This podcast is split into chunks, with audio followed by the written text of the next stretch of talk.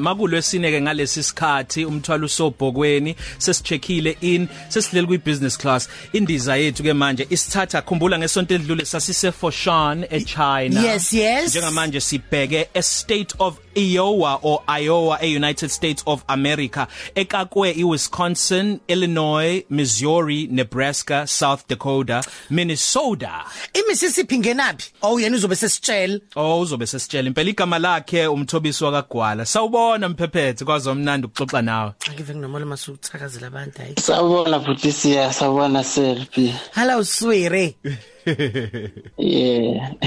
well la ukhona kuseduze kwakukude kangakanani nase Mississippi Eh mawusuka la we Mississippi it's uh, kusithatha almost u 1 hour 30 minutes. oh akude kakhulu. Wazi by Mississippi. Eh, ukuthi Mississippi am ngenza abangani abakhulu ngikhathi ngise LA abantu abaningi amantombazana khona iqhamuka khona khona i-radio sta- radio i-radio station uh, uh, ekhona futhi khona lapha yana eyayikhona kuma 99 jams. Oh okay. Yeah. Mthobisi kwala usitshele nge Yeah. Iowa es- eh, United States of America kungani ulapho mfowethu? Okay. Eh kahle kahle ngilithole i scholarship kune program abayibiza nge CCI program i college Co community college initiative.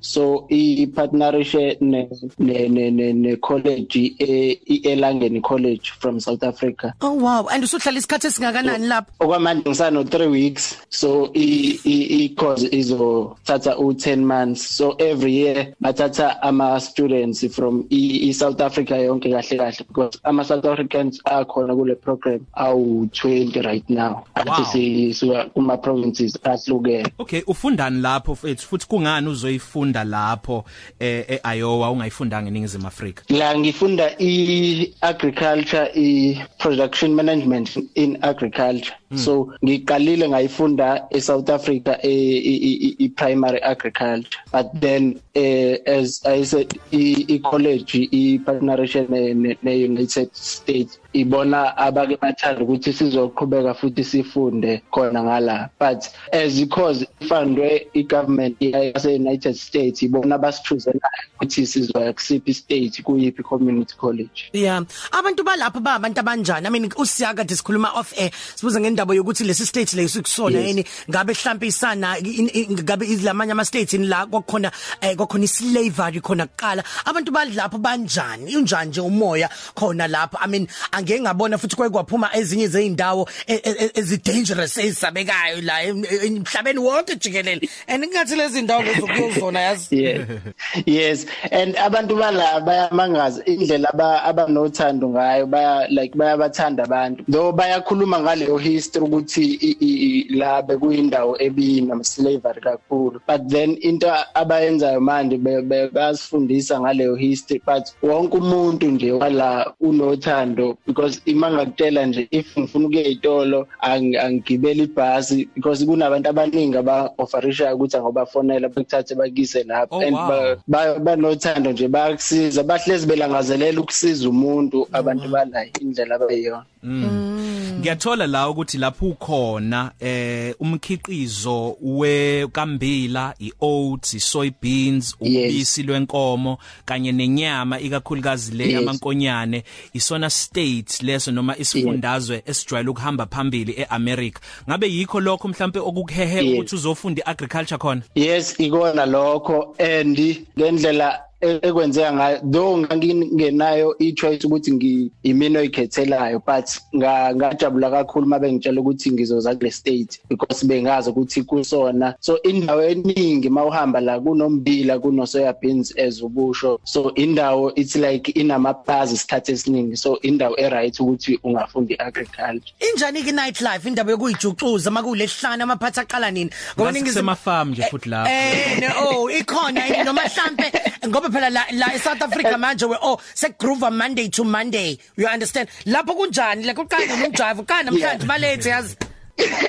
Eksekukanye la ngezwe khona nje kunomsindo kuma apartment la hlala khona. So and futhi kwakuyi Sunday ebusuku into eyangidida so on Friday normally ku quiet but on Sundays ebusuku ila khona beba nama party ke khona. Mm inkolo mhlambe abantu bakhona benzani noma ba abantu nje abanganakile kakhulu kweze inkolo bayiphilela nje impilo? Eh akhona ama Christian abantu bakhona nje ama Christian esikhathi esiningi and eh ba bathanda kakhulu nje ukuya enkonzweni. So banama services ahlukeneke last week ngihamba ama services awu2 neyasekuseni neyantambama but ba ama Christian isikhathi esiningi inkolo iyezinto abayikhonze kakhulu. Ubugebengu? Ama Christian ubugebengu bathi bukhona but abukho high. As kuyindawo isikhathi esiningi eyama plaza so abukho high. Manje njengoba kukhiqizwa umbila neoats shuthi niphelile ke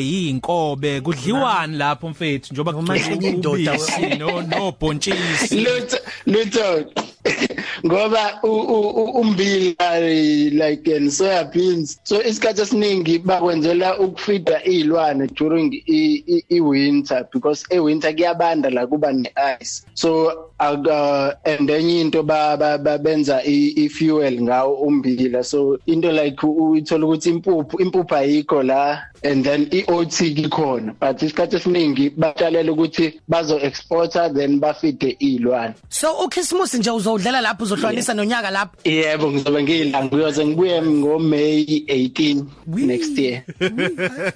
Hayi ngifisa inhlanda dakuta ngiyavuka khona ekhaya ngoChristmas oh amachoice sausage phela wena uwazi wemthobisi njengoba njengoba ulapho eKirkwood Community College uhlela ukuthi uzokwenzani ke masuqeda izifundo zakho zeagriculture? Okay mangiqeda eh iplan yami ukuthi ngibuyele ekhaya because bese ngiqalile ngikhulisa ingulube kahle kahle. So ngifuna ukuthi ngithole indawo ethanda ukuba nkudlwana then ngiqhubele lo business then ngi-add nezinye izinto for product wow because siyakuthoma lokho. kuno yebo kunomunye umngane wami nje usingayi so saqala naye last year so kuyisifiso sami ukuthi mangibuya sikhulise leyo into le Wow, siyakubongela mfethu okuhle kodwa usawumuntu omusha use Iowa United States of America ezolimo uzihambisa phambili futhi angingabazi ukuthi uzophumelela. Okuhle kodwa mfethu salithi ukhonza ke ekhaya kuphi njalo ekhaya? Ekhaya ku Semarisburg